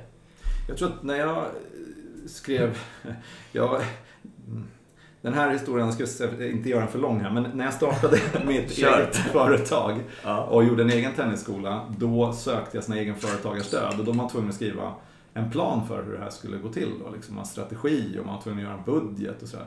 Och eh, för att få det här stödet. Och då, så någonstans i det där så skrev jag att liksom, jag vill stå för ett vettigt tillvaratagande av barn och ungdomars fritid. Okej. Och, och det liksom har följt med lite grann. Så att, så att det sitter i mig att oavsett vilken nivå du är på någonstans Mm. så ska du liksom, vi ska vettigt tillvarata de här barn och ungdomars fritid. Ja, ja. Eh, och det gör också att jag, jag är inte superintresserad av om just våran klubb får fram jättebra spelare. Det är jättebra om Tennis-Sverige får fram bra spelare. Men ni är en del av Tennis-Sverige. Så, så är det ju. Så är det ju. Och vi har ju formulerat mål för var vi ska någonstans. Mm. Men sanningen är att förutom de här 45 så har vi ju 750 andra som spelar hos oss. Mm. Som vi ska göra någonting lika bra för. Mm. Och det kan vara lätt att glömma bort när Mm. man är i diskussioner med människor som är väldigt intresserade av tävlingstennis. Eller har ett barn i den gruppen. Eller Mm. på, på andra sätt är Mm. väldigt intresserade där. Just det. Jag är med. Men, men utan att liksom ehm, hänga ut er då, så här. Men är det inte det som kan bli problemet också för tävlingstennisen i Sverige då? Jo. Om alla klubbar resonerar så. Man kan ju säga så här, jag fattar er, det är klart, Ja. gör er grej. Mm. Men om då alla resonerar på samma sätt, vem tar hand om tävlingstennisen då? Jag, jag tror att eh, man ska se det där som att vi ska ha en tävlingssession. Och det, vi har formulerat att vi ska ha det. Mm. Vi vet hur vi ska driva den och vi vet vart vi ska. Mm. Det finns ett tydligt mål där. Sen vet vi också ungefär vad vi klarar av att göra. Mm. Och sen så har vi taket. Har vi gjort den, eh, har vi formulerat det och vi vet att det går. Då kan vi med gott samvete sen ta hand om alla och vi vet att vi gör någonting bra för svensk tennis samtidigt. Ja, just det. Sen gäller det då såklart att erbjuda vägar för de spelarna. Ja, precis. Och vara öppen ja. med att säga, okej, det, kan inte, det, går inte att gå mycket längre än så här. Nej. Och där upplever jag kanske att det, jag, har, jag har sett exempel på hur man liksom förköper sig lite i tävlingstennis och försöker göra någonting som är väldigt svårt med de resurserna man har. I enskilda klubben liksom. Ja. ja. Mm. Och, och då tror jag att man, Tennis-Sverige och klubben skulle ha mycket mer vunnet eh, genom att inte sätta ribban så högt. Ja. ja, jag är med. Jag fattar. Och så har man vissa klubbar som tar det ansvaret då. Ja, ja. Men, men då bygger det på att kanske de större klubbarna gör det. Om man utgår från att det är dem. Absolut. Ja, Absolut. jag med. Det skulle ju kunna vara ett kul tankeexperiment, en mindre klubb som bara har det. Det skulle ju gå. Men det krävs ett väldigt bra samarbete. Som bara har hand om elit menar du? Ja. Just det. Ja. Eh, då måste de ha mycket ekonomiskt stöd kanske utifrån. Oh ja, det måste de ju säkert ha. Eller så får man betala för det, som man gör på akademier då istället. Ja, just det. Ja, ja okej. Ja, ja, ja. Vilken klubb ska det vara tycker du? Nej, vet inte. Det var, det var bara ett tankeexperiment i huvudet. Jag kan ta frågan vidare. Eh, jag är med. Vi ska gå på lite frågor som jag ställer till de flesta gästerna för dig. Men Mm. innan det, Mm. så eh, jag kan ha fel här, men jag har hört att du gjort, någon gång gjort en liten undersökning om träningsplaneringar i olika klubbar. Stämmer det? Ja, fast den är inte riktigt klar än. Nej, du håller på med den? Ja, jag håller på. Okej, ja, Jag ja. Nej, men... Vad har du för spaningar hittills? Eh, Vill du blotta någon? Ja, men, ja, det kan jag väl göra. Det, eller den enda spaningen jag har är att träningsplaneringen skiljer sig ganska mycket åt. Men mitt, mitt syfte från början var att kan jag, kan jag se någon träningsplanering eh, i de stora klubbarna, ser de likadana ut i de olika stora klubbarna? Och ser de likadana ut i de olika små? Eller är det, någon, eller är det helt random hur vi kör? Okej, menar du från alltså, veckoteman eller bryter du ner det ännu mer då? Eller? Eh, Ja, det är där jag är lite grann. Att det beror lite på vad man får ut. Eh, Vissa vill ju dela med sig jättemycket och andra kanske lite mindre. Och då... eh, Ja, så jag är inte riktigt framme vid någon slutsats. Nej, okej. okej. Spännande. Ja, Eh, och vad är syftet med det här? Att du, bara för att du är nyfiken själv? jag är nyfiken på det. Ehm, det- Ja, men hur det ser ut och kan man dra paralleller mellan träningsprogram och klubbar som, som det har gått bra för så är ju det intressant. Ja, just det. Jätteintressant ju. Mm. Eh, Okej. N- när, när blir det här officiellt? När, när tar vi en uppföljning på det här? Bra fråga. Efter sommaren kanske. Ja, okej. Alla är glada där i augusti kanske vill dela med sig lite grann, kommer från semestrarna. så- Men, men, men, men, okej, ja, men har folk inte velat dela med sig alltså? Ja, men det är få fall. Men ja, det kan vara så. Skäms man då för att man inte har en bra planering tror du? Eller att det är så jäkla bra att man inte vill eh, blotta den? Jag tror det är det andra faktiskt, att man tycker att det här är skitbra. Jag vill inte blotta mina yrkeshemligheter. Härligt. Jag jobbar samarbeten. Okej, Frej. Eh, en film eller bok som du hämtat inspiration ifrån?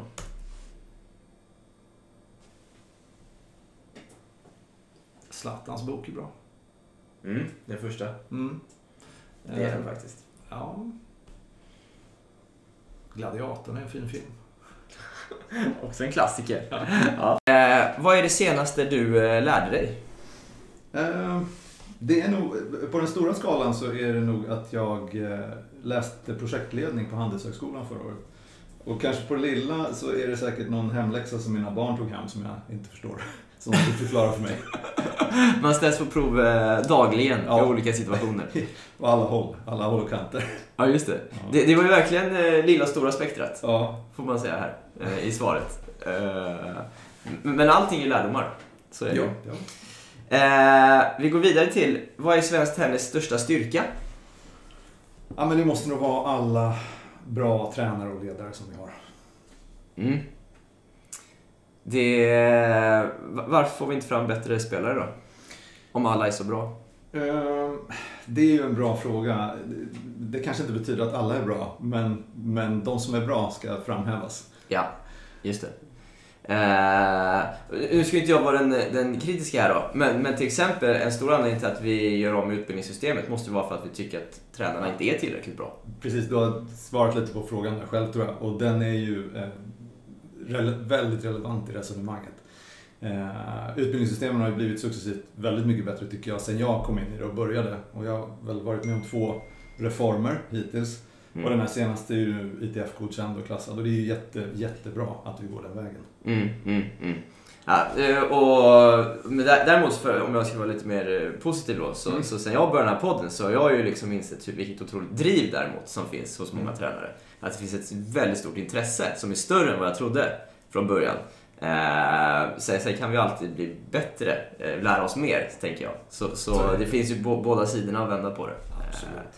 Eh, men om vi vänder på frågan då, vad är svensk tennis största svaghet istället? Ja. Den här är ju svår och det, alltså det beror på vilken infallsvinkel man har. Men har man min infallsvinkel så skulle jag kanske säga att föreningsstruktur är en svaghet. I den benämningen att man, liksom där vi är i civilsamhället, inte sällan förväntas jobba till en låg lön eller kanske ideellt. Mm. Och men, men sen ska kvaliteten på arbetet samtidigt vara hög. Och så ska vi få fram duktiga spelare och det här kan ibland vara en, en, en knepig ekvation.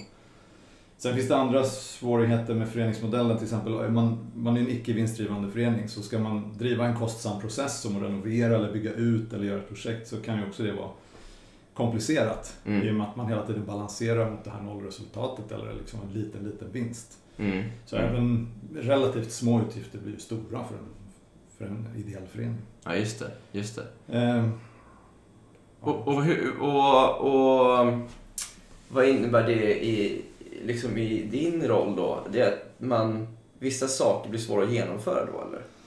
Ja, alltså eh, vad ska man ta som jämförelse? Alltså säga vad man vill om paddel, men de, de byggde 500 hallar på fem år.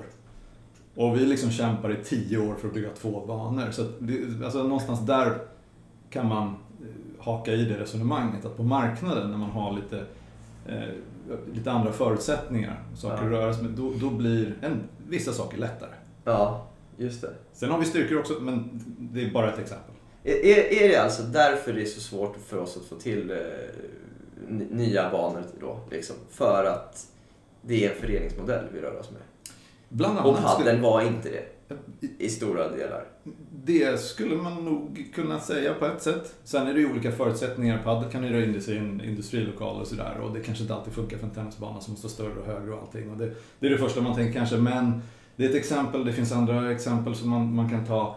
Jag, jag, jag skulle ändå säga att på den erfarenheten jag har av de här processerna så, så är det extremt svårt. Man hamnar i ett slags limbo lite grann när man ska göra grejer som förening. Ja, Eh, därför att det finns så mycket mera kompetens och resurs hos de som gör samma sak. ja Och resurs, pengar alltså. Just det. Och det i civilsamhället, det ska inte saker kosta så mycket pengar. Det är ju liksom lite av meningen att alla ska kunna vara med i idrott. Ja, Och ja. då, då kan man inte göra det. Så det är liksom en fördel och en nackdel som väger mot varandra hela tiden. ja jag förstår. Okej, Ehm, okej. Lurigt. Sen finns det ju mycket mer i det där. Men, men ja, ett superenkelt resonemang Ja. någonstans. Men, men, men okej, bara, bara för att avsluta det så här. Men om det skulle vara, vi säger en, eh, en akademi istället, som inte är en förening. Mm. Skulle det vara mycket, mycket enklare att få till en eh, hall, eh, nya hallar och, eller utbyggnationer och sådär? Sannolikt. Okej. Ja, jag är med. Mm. Mm, spännande. Eh, vi tar nästa fråga. Frågan kanske går in i den, men eh, om du var härskare över svensk tennis och fick bestämma allting här. Eh, vad skulle vara det första du prioriterade att ta tag i då? Skulle ta tag i att någon annan fick positionen som härskare för jag tror inte att jag har tillräckligt med kunskap för att, för att göra det här. Eh, nej, men inte ännu. Eh, inte ännu. Nej. Snart. Ja, nej. Nej, men vad skulle vara, vilken är den viktigaste frågan tycker du? Nu, du har ju pratat om eh, utbyggnationer och, För- och så vidare, men... Eh, Nej, men för mig så är det enkelt eh, och det är att vi har en anläggningsbrist. Ja, det är det. och nu, är det här, jag, jag sitter i en storstadsregion och vi har ofta kö till liksom alla möjliga idrotter och liksom sådär. Men det är ju orimligt att man liksom inte ska kunna komma in i en tennisklubb på 5-10 år. Det är ju helt knäppt. ja, det är sjukt. Och, och det är ju, liksom, så får det inte vara. Det är Nej. knäppare än att, att liksom välja hur många som ska vara med i, i orangebollslaget. Liksom. Mm. Och, och, det, och det är en effekt av, av det första. Mm, mm. Så är det sen, sen finns det ju många klubbar som har eh, tomt på banorna på dagtid till exempel. Mm. Så det finns ju tider på många ställen också. Mm. Men inte just de tiderna man oftast vill spela. Nej, det där är ju ett argument man, man eh, ofta stöter på när man pratar med en kommun till exempel. Ja, och Eh. vad, vad säger du då? Ja, och då brukar jag säga att det är för att vi sitter på jobbet just nu, så du och jag kan ju inte spela tennis just nu. Nej. Utan vi kan ju spela oftast mellan 3 och 10 eller mellan 7 och 9 på morgonen sådär. Mm. Och man kan inte liksom utgå ifrån att människor skulle sluta jobba för att idrotta. Det tror jag är fel. Ja, det, det så är det. Eh, sen när det gäller eh, ungdomar och tävlingsungdomar till exempel, när det är de som behöver träna mycket, så är väl också en fråga om skolsystemet. Att hur vi ska komma åt mer träning vissa tider på helt, dagarna. Helt korrekt. Eh, och det är ju inte helt lätt att ens få vara ledig för att tävla alltid till exempel. Nej, det, det där hänger mycket på, på skolan. Mm. Ehm, i sig och vad de tillåter och ibland hur det går för eleven kanske i skolan, vad om de ser att det går bra eller inte. Ja. Eh, Jag upplever att de flesta skolor kanske inte är så positiva till att man går ifrån för att spela tennis. Nej. Och jag kan tänka mig att om man inte är en stor tennisklubb med ett namn. Nu har väl vi lite tur för vi ingår i Spårvägens alliansförening och har jättemånga Okej. Spårvägen-föreningar, friidrott och simning och bordtennis med Gio Wallner och Daniel Ståhl och sådana som kommer ifrån. Ja, okej. Och då, då kanske man har hört talas om Spårvägen, men har man en, inte det så kan det hänga väldigt mycket på tyckande om, Mm. om idrotter och föreningar. Och det blir fel. Ja, det blir fel. Eh, Det ska väl inte vara drivet av personen som sitter där. Det ska väl finnas ett system för det, tänker jag. Kanske. Ja, det vore ju bra på något sätt. Men sen så tror jag att det där måste, det kommer ju beröra alla idrotter. Ja, ja så det är nog en ganska komplex ekvation att få ihop. Särskilt om man ser att skolresultaten sjunker om man är politiker och måste välja. Då Ja. Samtidigt så ju- motverkar ju stillasittande. Som är ett samhällsproblem. som är ett samhällsproblem. Men jag tror inte man drar den parallellen att skolresultaten beror på stillasittande. Utan jag tror att man drar bara att nu, nu måste vi plugga mera matte. Så det blir mera matteundervisning. Och det, det tror jag är rätt, att man resonerar så. Men däremot så, eh, Jo, men, men jag också säga att fetman ökar. Man borde röra sig mer. ja, Nu rör vi oss mer. ja.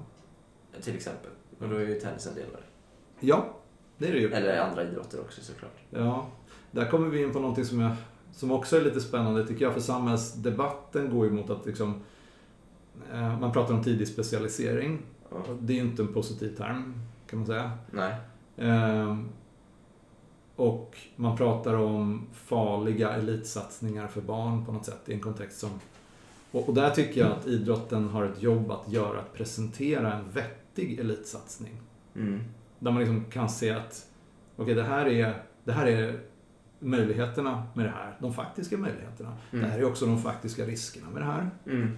Och, eh, men det är så här man kan göra. Just På ett bra sätt. Ja, ja. Som, som fungerar, som inte utesluter någon, som inte skadar Ja. barn mentalt och, och, och fysiskt. Och så. Så, så där har idrotten ett jobb att göra, att parera eh, de här sakerna som blir som ett mantra i samhället med tidig specialisering och elitsatsningar. Att det är liksom farligt. Alla, alla gillar att titta, eller ja, inte alla, men många gillar att titta på Zlatan. Mm. Men, men alla skulle inte vilja träna som Zlatan mellan 13 och 18 förmodligen. Ja, exakt. De kanske tycker att det är lite jobbigt. Eh, Eller lite svårt att titta på till och med. Liksom.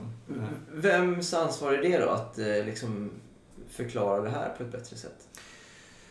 Det, det måste nog i första hand duktiga personer inom idrotten ta fram.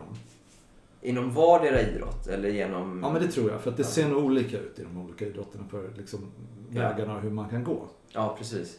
Eh, Men just nu syns ju inte det. Så det, det, finns ingen motvikt mot att elitidrott är, är inte så bra för barn. Nej. Så. Men, men medan det egentligen kan vara någonting jättefint och man kan lära sig liksom samarbete, man lär sig disciplin, rutiner, man lär sig fina värderingar, man lär Verkligen. sig kost och att röra på sig och fetma blir då Ja, inte ett problem till exempel och sådär. Så det kan vara någonting jättefint. ja, ja. Men, men det är ju liksom, ja, det är för många eh, eh, som, som, som hoppar av, det är för många som inte var bra. vidare. Det får man också liksom, Mm. det är också ett problem. Ja, ja. Jätteintressant ju. Mm. Ja. Eh, det finns saker att göra. Mm. Eh, om du fick ställa en fråga till vilken levande person som helst i världen, vilken fråga skulle du ställa då till vem? Då skulle jag, ja det är en levande person. Ja, det får vara en levande person. Att ta en avliden också om du vill då, men... ja, men det, det första, det, eh, när jag, jag, jag hittade någon gammal bok av Winston Churchill med massa citat. Jag kunde inte sluta läsa. Okej. Den var jättebra. Så Ja. att jag, jag skulle kanske fråga honom om något bra tenniscitat. Eller någon inspiration till mina elever eller någonting. Det, Okej. hade, det hade varit bra. Ja. Han, är väldigt, han var väldigt bra på det. Var det något citat du läste som stack ut, som fastnade? Uh, when you're going through hell, keep going. Ja, den är bra. Den har jag också sett faktiskt. jag visste inte att det var från han, men den är bra. Uh, Okej, men ingen levande person då? Du är mer intresserad av de som är döda? En levande person. Mm, det finns väl många som skulle vara intressanta och träffa eller fråga saker och ting. Ehm, Nej, jag vågar inte välja någon. Jag, jag, jag går med Winston. det gör rätt. Två frågor kvar. Vad tror du på som du upplever att andra inte håller med dig om? Långsiktighet. Mm. Eh, Du upplever mycket kortsiktigt. eh, ja, jag upplever kortsiktigt tänk. Och, och kanske ofrivilligt kortsiktigt tänk. Ja. Eh, att man, man adresserar idéer. Det, det kommer upp många idéer i, i föreningen. Ja. Och det kan vara svårt att särskilja vilka som är bra på kort sikt, på kort sikt och lång sikt. ja, just det. Men nu är det ditt jobb att sålla på det. Ja, och eh, där håller kanske inte alla med mig alltid. Nej, jag förstår. Gör det. Slutligen då, vill du rekommendera någonting? Vad som helst.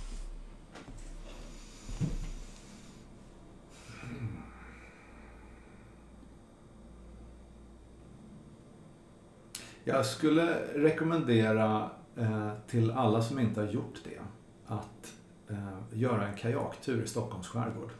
Okej. Det är bland det finaste man kan uppleva. Ja. Om man inte är rädd för vatten förstås. Men det är urvackert och det försöker jag göra en gång varje sommar med mina vänner. Ja, vad häftigt. Och det är medita- meditation och återhämtning på hög nivå. All right. En kajaktur i Stockholms skärgård. Ja. Det har ingen rekommenderat innan. Mycket bra. Eh, Freit, eh, Frej, Frej, Frej, tack så jättemycket för att du ville vara med. Tack själv Linus. Tack för det du gör för svensk tennis. Okej Frej, om du eh, på riktigt var härskare över svensk tennis, vad skulle du prioritera då? Då skulle jag direkt prioritera att upprätta en kontakt med alla tennisklubbar för att höra deras behov och deras utmaningar eh, och vad de vill ha hjälp med. Ja, och hur skulle den kontakten gå till då? Eh, Det är väl bara att ringa upp allihopa och surra lite. Mm. Och eh, se vad de, ja, vad tycker de? Vad, eh, hur fungerar det? Vad, vad kan vi göra för att hjälpa? Ja. Och då skulle skapa en större känsla av eh, vi tillsammans då, på sätt och vis. Ja, men det tror jag absolut. Jag tror att eh, man, man, man behöver den kopplingen med de som styr. Alltså man behöver den, den kontakten. För Ja. kommunikation är nyckeln till tillit och sen att kunna utveckla någonting tillsammans. Ja, precis. Eh, det tror jag också skulle vara superbra. Inte helt omöjligt att genomföra.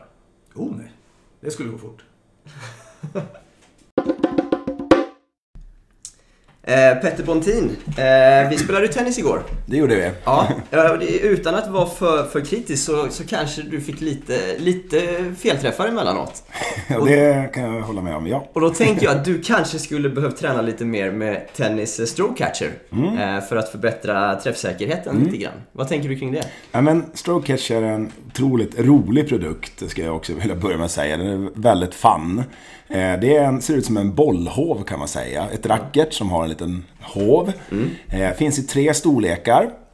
Och har en, en liksom hovdelens öppning motsvarar egentligen sweet spoten då på tennisracket. Så det handlar om att liksom mycket öga-handkoordination och ja, naturligtvis pricka sweet spoten. Ja. Feedbacken blir ju omedelbar. Har jag prickat sweet spoten så fastnar, stannar bollen i, i hoven. Ja. Sen har den också en aspekt till. För att bollen faktiskt också ska stanna så måste du slå igenom ditt slag. Att du verkligen har Mm, följa med framåt. Precis, follow Ja. through igenom. Stannar du för kort kommer den att studsa ut. Okej. Så du har även den aspekten att du, du liksom tränar på att slå igenom eh, bollen, ta den tidigt och följa igenom. Läckert. Så jag tycker den här är kul. Du kan träna serve med den, Ja. själv hemma på tomten. Ja, Eh, för jag visst. tänkte ju säga, man kan Ja. använda den egentligen var som helst. Absolut, Ja. absolut. Så, så väldigt rolig, omedelbar feedback eh, och eh, sweet spot-träning. Finns den i olika storlekar beroende Ja. på åldrar och sådär? Jajamän, finns i tre olika storlekar, eh, olika vikter. Mm. Eh, samma princip som många andra våra andra typer av produkter så att Precis. man verkligen kan anpassa från, från där man är, ålder, storlek och, och nivå. Läckert. Mm. Eh, Houseofbontin.se eh, kan man läsa lite mer om eh, Tennis Stroke Catcher. Och använder ni rabattkoden LINUS så har ni 15% hos House of Bontin på hela sortimentet förutom slingerbag och redan nedsatta priser. Linus för 15%. Helsingborgs Tennisklubb kommer tillsammans med Wilson Tennis Camp att anordna ett weekendläger ihop 27-29 oktober i höst i Olympiahallen i Helsingborg. Eh, Marcus Lindberg, klubbchef i HTK, varför eh, väljer ni att eh, göra det här tillsammans med just Wilson Tennis Camp? Ja, vi, vi väljer att samarbeta med Wilson Camp för att eh, genom åren så har de eh, alltid eh, hållit hög klass, tycker vi. De har en bra organisation kring sig och, och, och eh, de står för väldigt hög kvalitet och eh, väldigt eh, nöjda spelare. Just det. Och just det här läget är ju för spelare upp till eh, 14 år. Eh, varför ska spelarna välja att använda anmäla sig till just det här lägret den här helgen i oktober? Ehm, det, det, som är fördelen med det här och, och, som skiljer sig lite grann mot ett vanligt Wilson Camp, det är ju att vi tar in sparring då från vår egen Pro Academy. Mm. Eh, det kommer ju vara tränare från, från våran Pro Academy och som sagt eh, lämplig sparring då för alla. Mm. Så att eh, det, det, är ju inte någon som kommer vara bäst på lägret så att säga, utan vi kommer ju alltid se till att vi har spelare som, som kommer kunna vara med och matcha de här och anpassa lite tempo och övningar och, så att det blir så bra upplevelse som möjligt för dem. Just det. Eh, och hur mycket kommer det vara just Wilson Tennis Camps koncept och eh, Helsingborgs koncept? Eh, kommer det vara båda, bästa av båda världarna antar jag på något sätt? Ja, men det hoppas vi att, att eh, det blir. Vi kommer ju hålla oss inom Wilson Camps koncept, liksom med, med gemensamt boende på, på hotell. Inga föräldrar får bo där, utan de, de, de får ha ett eget boende och göra lite annat och så där. och och eh, sen kommer ju då våra tränare in och eh, kan dela med sig lite grann av HTKs filosofi, eh, hur vi jobbar eh, med våra spelare då. Och eh, även våra eh, spelare 15 år och äldre kommer vara med och dela med sig lite grann av sina erfarenheter. Då. Ja, läckert. Och eh, läget eh, hålls i Olympiahallen. Eh, en eh, kul och skön miljö att vistas i under några dagar. Ja, men det stämmer ju bra. Det är ju mer än bara en tennishall. Vi, vi har ju massa andra idrotter som badminton, padel, pingis och, och så där. Så vi får se vad vi kan hitta på. Vi har till och med yoga och kampsport så att eh, ja, det, det, finns alla möjligheter till, till eh, att, att göra någonting mellan tennispassen också. Häftigt multiidrottande lite utanför eh, den vardagliga boxen kanske. och ja, absolut. Vill man läsa mer om det här läget så kan man göra det på både eh, Wilson Tennis Camps hemsida, eh, tenniscamp.se och på Helsingborgs eh, hemsida antar jag också va? Ja, det stämmer bra. Vi har ju precis lanserat det här lägret och det kommer mer och mer information undan för undan här. Häftigt. I want to ask you, uh, Gregorio, uh, one of the coaches for Mario Camp, that is uh, the partner to this podcast. Wh why is Mallorca maybe the perfect place for a tennis camp, or to put your uh, to have your full year-round training at? Well, uh, Linus, I, I, guess it's not very hard to to talk about the location, um, but one one of the pluses uh, is that we we make the stay in Mallorca enjoyable. We recommend the best uh, beaches, good hotels, where to have dinner, uh, discounts in in rental car companies. Um, which which places are good depending on the time. Okay, here the meat is very good, uh, but they're closed uh, in the evening. Uh, go to this place to have some drinks with your friends on the sunset. This um, beach is good, but uh, not in the summer because there are a lot of people go to another one. So um, you know maybe that. it's not concerning to, to the tennis trip, but at the end of the day, it can make a, a better experience uh, for the people, uh, the clubs, uh, and the players. And the same thing with players who are here the full year. Uh, is not only about tennis, the player, and, and also for the parents the player has to be with good people, feel good, warm. Uh, so then they can they can perform on the court better. So that's the approach a little bit. Uh, but Mallorca is easy to describe. Yeah, you know the island inside out. Exactly. uh, and uh, especially for us people living in Sweden, maybe when it's getting darker and colder in the in the winter it's uh, probably super nice to to get away and uh, almost the whole year almost the whole year uh, to play tennis outdoor uh, again. That's uh, yeah, I love that. Um, for you that want to know more, visit majorcamp.com for more information uh, on the internet, and uh, you're also on Instagram. Uh, and get in touch with, for example, Greg, if you have further questions. Idag är jag superglad över att få presentera hela tre nya partnerklubbar eh, till mig på Linus på baslinjen. Vi har Strömstad Tennisklubb, Stora Väsby Tennisklubb och Shalimar Point Tennisklubb i Florida. Alla de här tre har valt att gå med i det här nätverket av partnerklubbar till podden och jag är djupt tacksam för deras stöd och för att de vill samarbeta med eh, mig och den här podden. Strömstad Tennisklubb, Stora Väsby Tennisklubb och Shalimar Point Tennis Club. Tack så mycket till alla er!